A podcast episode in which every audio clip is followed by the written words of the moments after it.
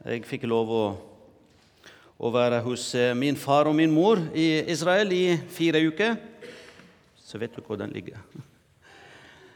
Eh, og eh, jeg har fått beskjed fra menigheten i Galilea, hvor jeg er født og vokst opp i, at jeg skal hilse til de kristne òg i Salem spesielt, og i Norge. Eh, det skjer vekkelse. Det er flere som har eh, kommet til møtene der òg. Og det som skjer, er at de må bygge litt ut, akkurat som vi har gjort i Salem her. Men det som de trenger å bygge, det er en større parkeringsplass. Pga. de som kommer til, til, menigheten, de må kjøre mange mil, kanskje, eh, for å komme på møte. Og hvis de ikke har plass til å parkere bilene sine, så så får de ikke anledning til å være med på møtet.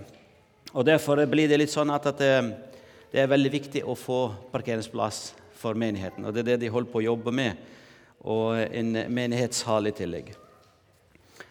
Eh, ellers så, I forhold til IKF så har eh, vi hatt en flott sommerleir før vi reiste på sommerferie. Og det som var veldig, veldig kjekt og en velsignet leir, hvor det var ca. 30 av deltakere var tidligere muslimer og har tatt imot Jesus og blitt døypt. Det sier ikke vi så mye om i media, av eh, vi vil gjerne ta vare på de som har tatt imot Jesus. Men eh, når vi ser hvor mange som har tatt imot Jesus, og hvor mange som eh, vil følge Jesus, som er tidligere muslimer, så vi må bare bøye oss ned og takke Jesus. Og se hvor Spesielt på en lørdag formiddagen etter bibeltime så kom det fram flere og flere og ba om forbønn. Og det er stort. Det ikke skjer bare ut i misjonsmarken, men det skjer her òg, i dette huset. Og Siste søndag, når vi hadde åpningsmøter, eller eh, den første møtet i høst, så det var ca. 100 stykk som var på møte siste søndag på IKF, som var bare én etasje under. Og folk ville ikke hjem. Det var i, i halv ni-tida på, på, kvelden. Vi begynte klokka fem på ettermiddagen. Og det var flott å se. Det var 17 forskjellige nasjoner som var på møte. Og det var flott å se folk som eh, Spesielt ei dame som eh, har tatt imot Jesus hun er tidligere muslim og har giftet seg og har tatt med seg tre nye norske da, på møte. Og de har aldri vært med møte før. Og det blir ønsket velkommen med applaus av forsamlingen. To nordmenn og ei eh, kone til en eh, som er fra Filippinene. Og ser at at når Jesus kom inn i livet til én person, så blir hun et redskap til å bringe videre budskapet.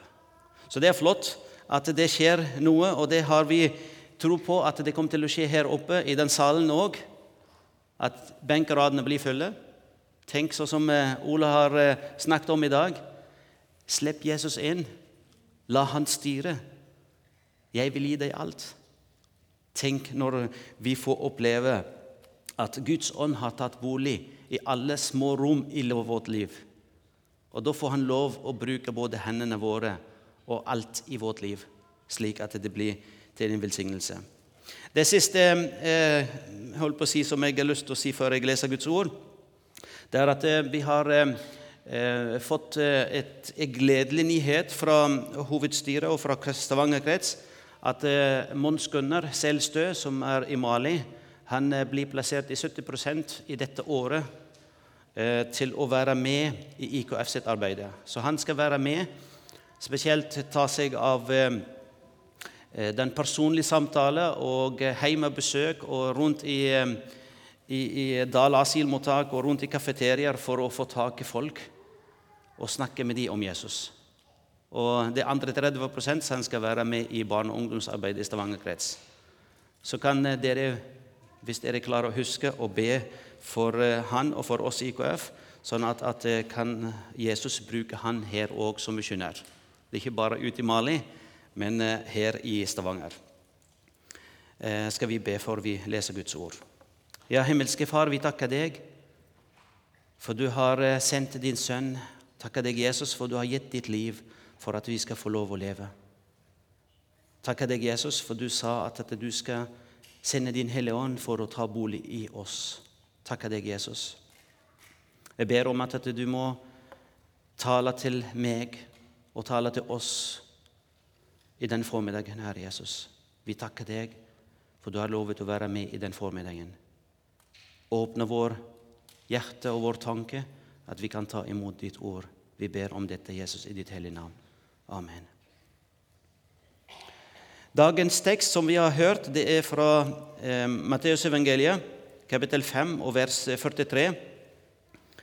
Eh, vi vet at det er fra bergpreken, og det som eh, jeg vil gjerne fortelle litt om at eh, eh, i, Israel på den tida de som var på en måte skriftlærere, de som var teologer Vanligvis de bodde i Jerusalem. Når folk vil høre om Guds ord på en fin måte og være garantert at de får på en måte det rette om loven, så måtte de til Jerusalem. For der var de skriftlærere, der var de fariseere, der var det de folk som på en måte fikk lov til å være lærere åndelig sett. Eh, men Jesus han eh, vokste opp i Nasaret. Og det er ikke bare Jesus som hadde disipler. Alle de som var lærere i Gamle testamentet, hadde disipler. Og det var litt sånn Jo større du var en større teolog, jo flere disipler du hadde. Vi vet at døperen Johannes hadde disipler, og mange andre hadde disipler. Og Derfor, når de så Jesus vandret, og Jesus gikk sammen med Det var mange disipler som Jesus hadde, men det var tolv apostlene. Jesus hadde mange disipler, men det var tolv apostler. Så det vil si at når Jesus vandret i Galilea, det var ikke bare de tolv som gikk sammen med Jesus. Det var mye mer. Og jo flere gikk bak Jesus og besiet til Jesus, jo større status fikk han i andre sine øyne. Ikke bare Jesus, men alle andre. Og Spesielt eh, når eh, han kom inn til Jerusalem. Og Da var det ikke bare han kom alene, men det var flere hundre, kanskje flere tusen, som fulgte Jesus. Og Det lagde opprør i Jerusalem blant skriftlærere og fariseere, for de likte ikke det. Kommer det noe godt av Nasaret? Kommer det noe godt av Galilea? Det, det, det hørtes veldig tåpelig ut, egentlig. For egentlig, hvis du skal være en sånn en person så som Jesus var Du skulle egentlig vært fra Jerusalem. Du skulle ha vært og lært i tempelet, og ikke i Galilea. For Galilea det var litt sånn en B-gjeng. Og Av den grunn så Jesus fikk på en måte et problem fra de som var skriftlærere og de som var pariserere i Jerusalem. Det likte ikke han. Men derimot, de folk som var fra Galilea, de likte Jesus veldig godt. Hvorfor? Jo, for han talte på en måte som at de forsto hva han snakket om. Han talte i den situasjonen som de var i. Han brukte lignelser. Han fortalte om Guds rike, hvordan du kan nå Guds rike. Han talte uten å lage forskjell mellom mann og kvinne, mellom eh, eh, voksen og barn. Han tok imot barnet. Han lagde ikke forskjell mellom de som var syke, og de som var friske. Han tok imot alle som var friske, og helbredet dem og forkjente Guds ord til dem. Han lagde ikke forskjell mellom jøder og hedninger. Han tatt imot hedninger òg og helbredet dem og forkjente Guds ord til dem. Han var ikke på en måte lagt en skille mellom de som var på en måte perfektpersoner, og de som var syndere. Nei, han tok imot alle. Og av den grunn så Jesus var i gåsøyet veldig populær. Og det pariserer likte ikke. Og de som eh, var i Jerusalem, likte ikke han. Men Jerusalem var hovedstaten åndelig sett for Israel. Der var det tempelet. Men derimot i Galilea, Kaparnahum, var den åndelige hovedstaten. Dere som eh, har vært i Israel og, og sett i Kapernaum det finnes en stor synagog. Og det, I den synagogen det er masse sånn eh, bevis på at det var litt sånn bilde av tempelet i Jerusalem. Så Jesus av ikke noe av ingen grunn at han flyttet fra Nasaret og bodde i Kapernaum. Han hadde hensikt til det for å nå folket i Galilea der. Og her ser vi at eh, Hvis vi ser eh, fra, leser i kapittel 4 eh, I slutten av kapittel 4 Ryktene om ham kom ut over hele Syria. Det er ikke bare i Galilea, men hele Syria. Og de eh, førte til ham alle som hadde ondt, og de syke, og han helbredet dem. Og eh, stor folkemengde fulgte ham fra Galilea og fra de ti byer, og fra Jerusalem og Judea, og bygdene på andre sida av Jordan. Så når Jesus talte, han talte ikke bare til én og to personer, han talte til tusener av personer. Og når de kom alle sammen til å høre Guds ord, så Jesus tok dem med seg til fjellet, opp til i nærhet av eh, Kaparnahum, og begynte å tale til dem. Og slutten av talen hans, eller ikke slutten av talen, men i slutten av kapittel, sto der i 43.: Dere har hørt det er sagt, du skal elske din, du skal elske din neste og hate din fiende. Men jeg sier dere, elsk deres fiende, velsign dem som forbanner dere, gjør vel mot dem som hater dere, og be for dem som forfølger dere, for at dere kan bli barn av deres Far i himmelen. For han lar sin sol gå opp over onde og gode, og la det regne over rettferdig og urettferdig. Om dere nå elsker dem som elsker dere, hva lønn har dere da?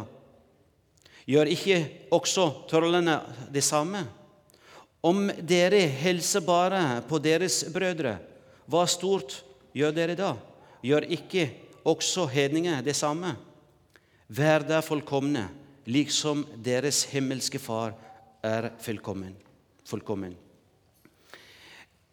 Jesus begynner her i den teksten Dere har hørt det sagt. Hvor har de hørt det fra? Jesus sier ikke 'dere har lest det sto skrevet'. Dere har hørt. Og Det er pga. de skriftlærerne og de som var teologer. Det er de som forkynte på en måte loven. Men Jesus sier at dere har hørt det sagt, men jeg sier dere. Og da kanskje begynner, og kanskje de begynner å lure på at eh, Jesus, du egentlig jobber mot loven. Du forteller noe annet enn det står skrevet i loven. Men han, eh, Jesus sier at dere må ikke tro at jeg er kommet for å, å opphø, opp, eh, opphøve loven eller profetene. Jeg er ikke kommet for å opphøre, oppheve, men for å oppfylle. Det sier han i vers 17 i samme kapittel. Jesus kom ikke for å lege, for å gjøre noe annerledes enn loven, men han kom for å fullføre det. Og Det som det stod skrevet at du, eh, det, det har sagt, Dere har hørt at det har sagt at du skal elske din neste og hate din fiende. Men, men det står ikke i Gamle testamentet. Det står ikke i loven i hele tatt. At du, du skal elske og du skal hate. Jesus prøver å fortelle at det er ikke det som blir sagt av skriftlærerne, det er loven. Men hva Gud sier sjøl. Skriftlærerne de har på en måte forandret litt på det som er i Gamle testamentet. For det sto der at du skal elske din neste som deg selv. Det er en av de største eh, budene. Og det vet vi når Jesus snakket med den eh, lovkyndige personen i Lukas evangeliet når han sier 'Hva skal jeg gjøre for å arve det evige livet?' Og så Jesus sier at, ja, hva det står skrevet? Jo, du skal elske din Gud, og så står det du skal elske din neste som deg selv. Det står i loven. Men, men, folk begynte å si, eller de som har lærte folk, de sa at du skal elske din neste og hate din fiende. Men Jesus sier til dem at du skal elske din fiende. Og Jesus sier til deg og til meg at vi skal elske vår fiende. Går det an å elske vår fiende? Hvor mange ganger har vi tenkt inni oss sjøl når eh, en bror eller en søster eller noen naboer av oss eller noen kollegaer av oss som har prøvd og såret oss på en eller annen måte. Og vi blir på en måte såret og kanskje krenket. Og da tenker vi inni oss sjøl bare vent, du. Du skal få det igjen. Bare vent. Jeg skal hevne meg igjen. Jesus sier det motsatt her, at vi skal elske ikke bare vår neste, men vi skal elske, elske vår fiende.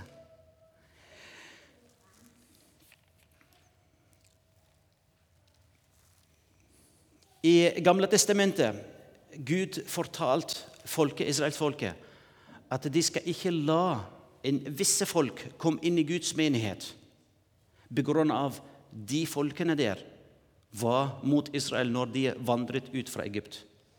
Og Av den grunnen så de som var skriftlærere, de har forandret hele loven og så sa at du skal hate dem.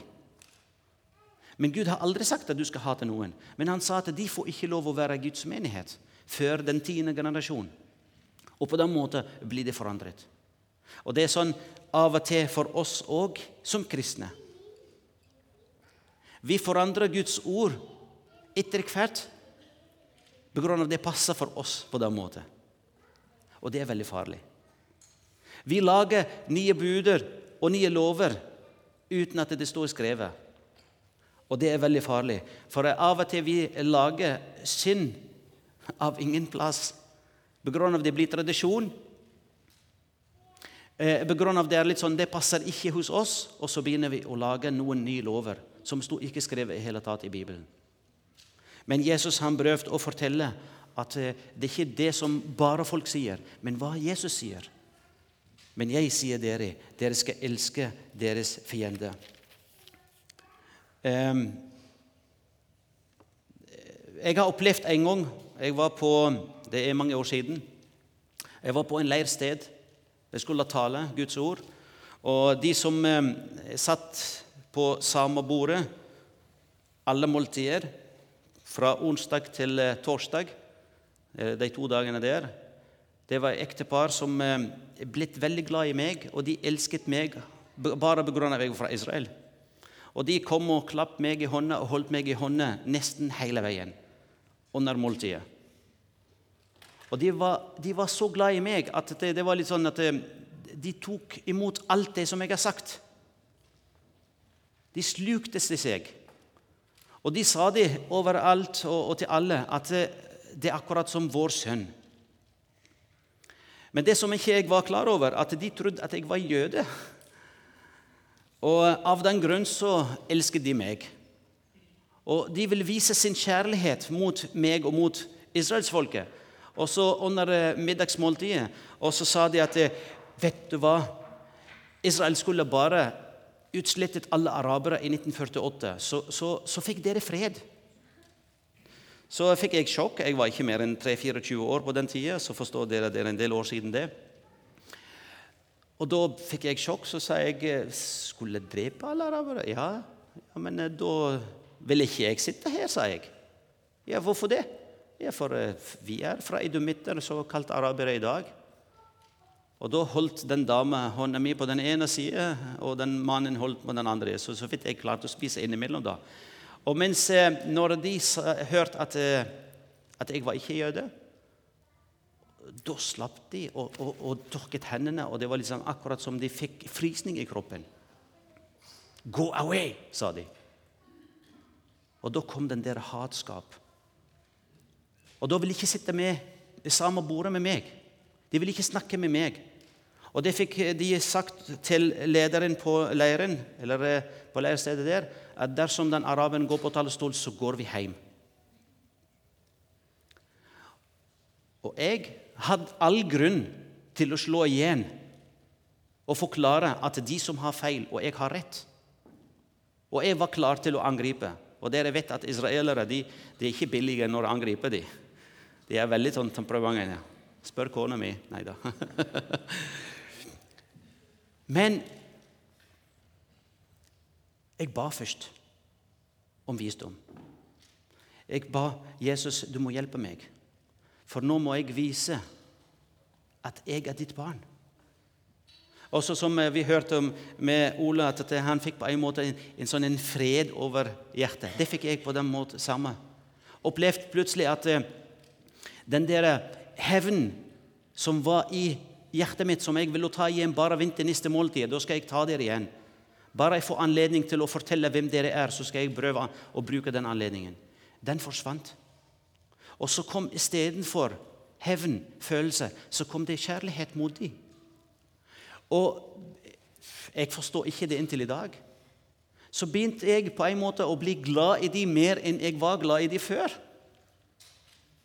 Jeg begynte å, å be for de mer enn jeg ba for dem før. De hatet meg, for å bruke det ordet. Og eh, Det var på den måten som eh, når jeg gikk til matsalen, og de bare spurte meg hvor jeg ville sitte for de skal sitte ved siden av meg. Men nå gikk de og satte seg med en gang. Og Da så jeg hvor de satt, og gikk jeg og satt ved siden av dem. Det var en lang fredag. Jeg kom og satt ved siden og begynte å, fortelle om Guds kjærlighet. Jeg skal si at jeg er den samme personen. Jeg er samme Pål som dere for to dager siden trodde at jeg var Guds utvalgte folk. Og alt det som jeg har sagt om historien til Israel og om Jesus, er den samme. Jeg har ikke forandret meg. Jeg er den samme. Men det er din innstilling som har forandret seg. Og begynte å snakke om, om Jesus, at han ga sitt liv for at alle skal få leve. Og mens jeg snakket Jeg husker ikke hva jeg sa, for eh, på en måte jeg var ledet av Guds ånd. Egentlig jeg skulle hate dem, egentlig skulle forsvare meg. Men, men eh, Guds kjærlighet kom inn, og etter hvert så bare så at tårene begynte å renne. Og Da reiser denne, det ekteparet reiser seg, og så sier de dersom den araberen ikke taler, så går vi hjem. Så snudde de opp ned. På en måte de var mine fiender. Og da Gud lærte meg, Jesus lærte meg at du sjøl, Pål, var min fiende. Men Jesus viste sin kjærlighet. Gud viste sin kjærlighet for at han døde for deg. Gud hatet ikke meg, men han elsket meg, og derfor han ga sitt liv for at jeg skal få leve. Hvorfor ikke du kan vise litt av Guds kjærlighet for den, din neste eller din fiende? Og på den måten de ekteparene der kunne sitte der og ta imot Guds ord etterpå. Og da var jeg veldig glad. Og det glemmer jeg ikke den historien. Det er ikke pga. at jeg er god, ikke pga. at jeg er bedre enn alle andre, men pga. la Guds ånd komme inn og styre mitt liv. Og det er sånn for oss alle sammen. Vi mennesker vi egentlig tenker det motsatte. Når en person angriper oss Bare se på staten. De har forsvar. Hvorfor? For når noen angriper oss, så skal vi forsvare oss. Det kan ikke svenskene komme oss og bombe oss og si at 'Hallo, vi elsker dere svenske'. Det går ikke an, det. Vi må forsvare oss og må hevne oss igjen. Men her snakker det litt annerledes om Guds kjærlighet. Kjærlighet som sier at du skal elske for å vise hvem Jesus er i ditt liv og i mitt liv. Ikke bare elske, men vi skal velsigne de som forbanner oss. Og vi skal gjøre vel mot de som hater oss. Og vi skal be for de som fullfører oss. Tenk hvis du klarer, du og meg og alle som er her i forsamlingen her Hvis vi klarer å gjøre dette, så kan jeg love dere at forsamlingen blir full. Hvorfor? Jo, for det er Guds verk. Det er Guds ønske at det skal skje.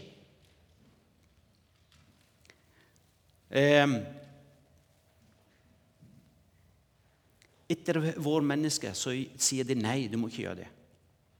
Vi kan ikke be for noen som på en måte vil ta livet av oss. Vi kan ikke gjøre noe vel mot en person som hater oss. Men det sto der at eh, for at dere, hvis vi gjør det, så for at dere kan bli barn av deres far i himmelen. Og det som skjer når vi tar imot Jesus, det er at Jesus tar den plassen. Guds ånd som tar bolig i ditt og mitt liv. Så vår natur forandrer seg, og så kommer inn Guds natur inn i vårt liv. Og da når Guds natur kommer inn, når Guds ånd kommer inn i mitt liv og ditt liv, da kan vi elske vår fiende og velsigne de som forbanner oss, og gjøre vel mot de som hater oss, og be for de som forfører oss. Vi kan ikke gjøre det av oss sjøl. Dersom Jesus får lov å komme inn i ditt liv, så kan du gjøre det. Dersom vi slipper Guds ånd til å styre vårt liv, styre vårt liv så kan det skje. Tenk hvis det skjer i forsamlingen vår her. Ikke bare å elske vår fiende. Tenk hvis vi elsker våre søsken i forsamlingen, likeså som Jesus elsket oss. Da vil jeg love dere at det skjer en vekkelse her. Hvorfor? Jo, for den som elsker sin neste som seg selv, som det står i Gamle testamentet, eller står der Jesus som sier det Hvor egoist egentlig jeg er. Hvor mye jeg elsker meg sjøl. Jeg liker å få mat hele veien, jeg liker å kjøpe ting. Jeg vil ha alltid meg sjøl for at jeg skal ha det godt. Tenk hvis jeg tenker på min neste på samme måte som jeg tenker på meg sjøl. Begynn med oss sjøl. Begynn med huset vårt, med familien vårt, med menigheten, med arbeidsplassen. Så vil Guds ånd styre vårt liv videre. Det vil ikke si at vi får ikke lov å være sure på hverandre. Langt derifra. Vi vil ikke si at vi skal bare være dumsnille, og så folk skal hate oss og si at 'hallo, jeg elsker deg'. Jesus han satt folk på plassen når det er gått over streken. Vi får lov å si vår mening. Men Jesus han snakker om å elske. Ikke bare å ikke få lov å si din mening, men vi får lov å si hva vi mener òg. For Gud har elsket alle. Jesus døde for alle, for han la det regne over de gode og de onde. For eh, hvis vi bare er, er snille mot de som er snille mot oss, som Jesus sier her, det er ikke noe, det er ikke bevis på at Gud bor i ditt liv. For hedninger gjør det samme.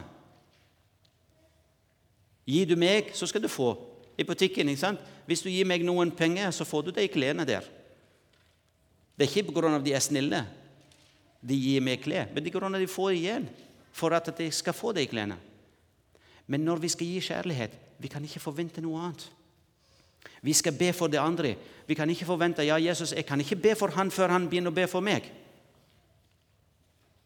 Jeg kan ikke være eh, snill mot en person hvis ikke han er snill mot meg. Det er Guds verk i vårt liv. Vi skal gå mot eh, avslutning i Johannes, 1. Johannes brev 4 vers 11. Mine kjære, har Gud elsket oss slik, da skiller vi også for å elske hverandre. Hvordan Gud elsket oss? Jo, han ga sitt liv for oss, og vi skjelder for å elske hverandre. Ingen har noensinne sett Gud. Dersom vi elsker hverandre, da blir Gud i oss. Dersom vi elsker hverandre, da Gud blir i oss, og kjærlighet til ham er blitt fullkomment i oss. Men i vers 20.: Dersom noen sier 'Jeg elsker Gud', og likevel hater sin bror, så er han en løgner. For den som ikke elsker sin bror som han ser eller har sett, hvorledes kan han elske Gud som, som han ikke har sett? Hvordan kan vi elske Gud som ikke vi ser, og så hater vi våre broder eller vår søster som vi ser. Det er Johannes som spør, og spør deg og meg. Um,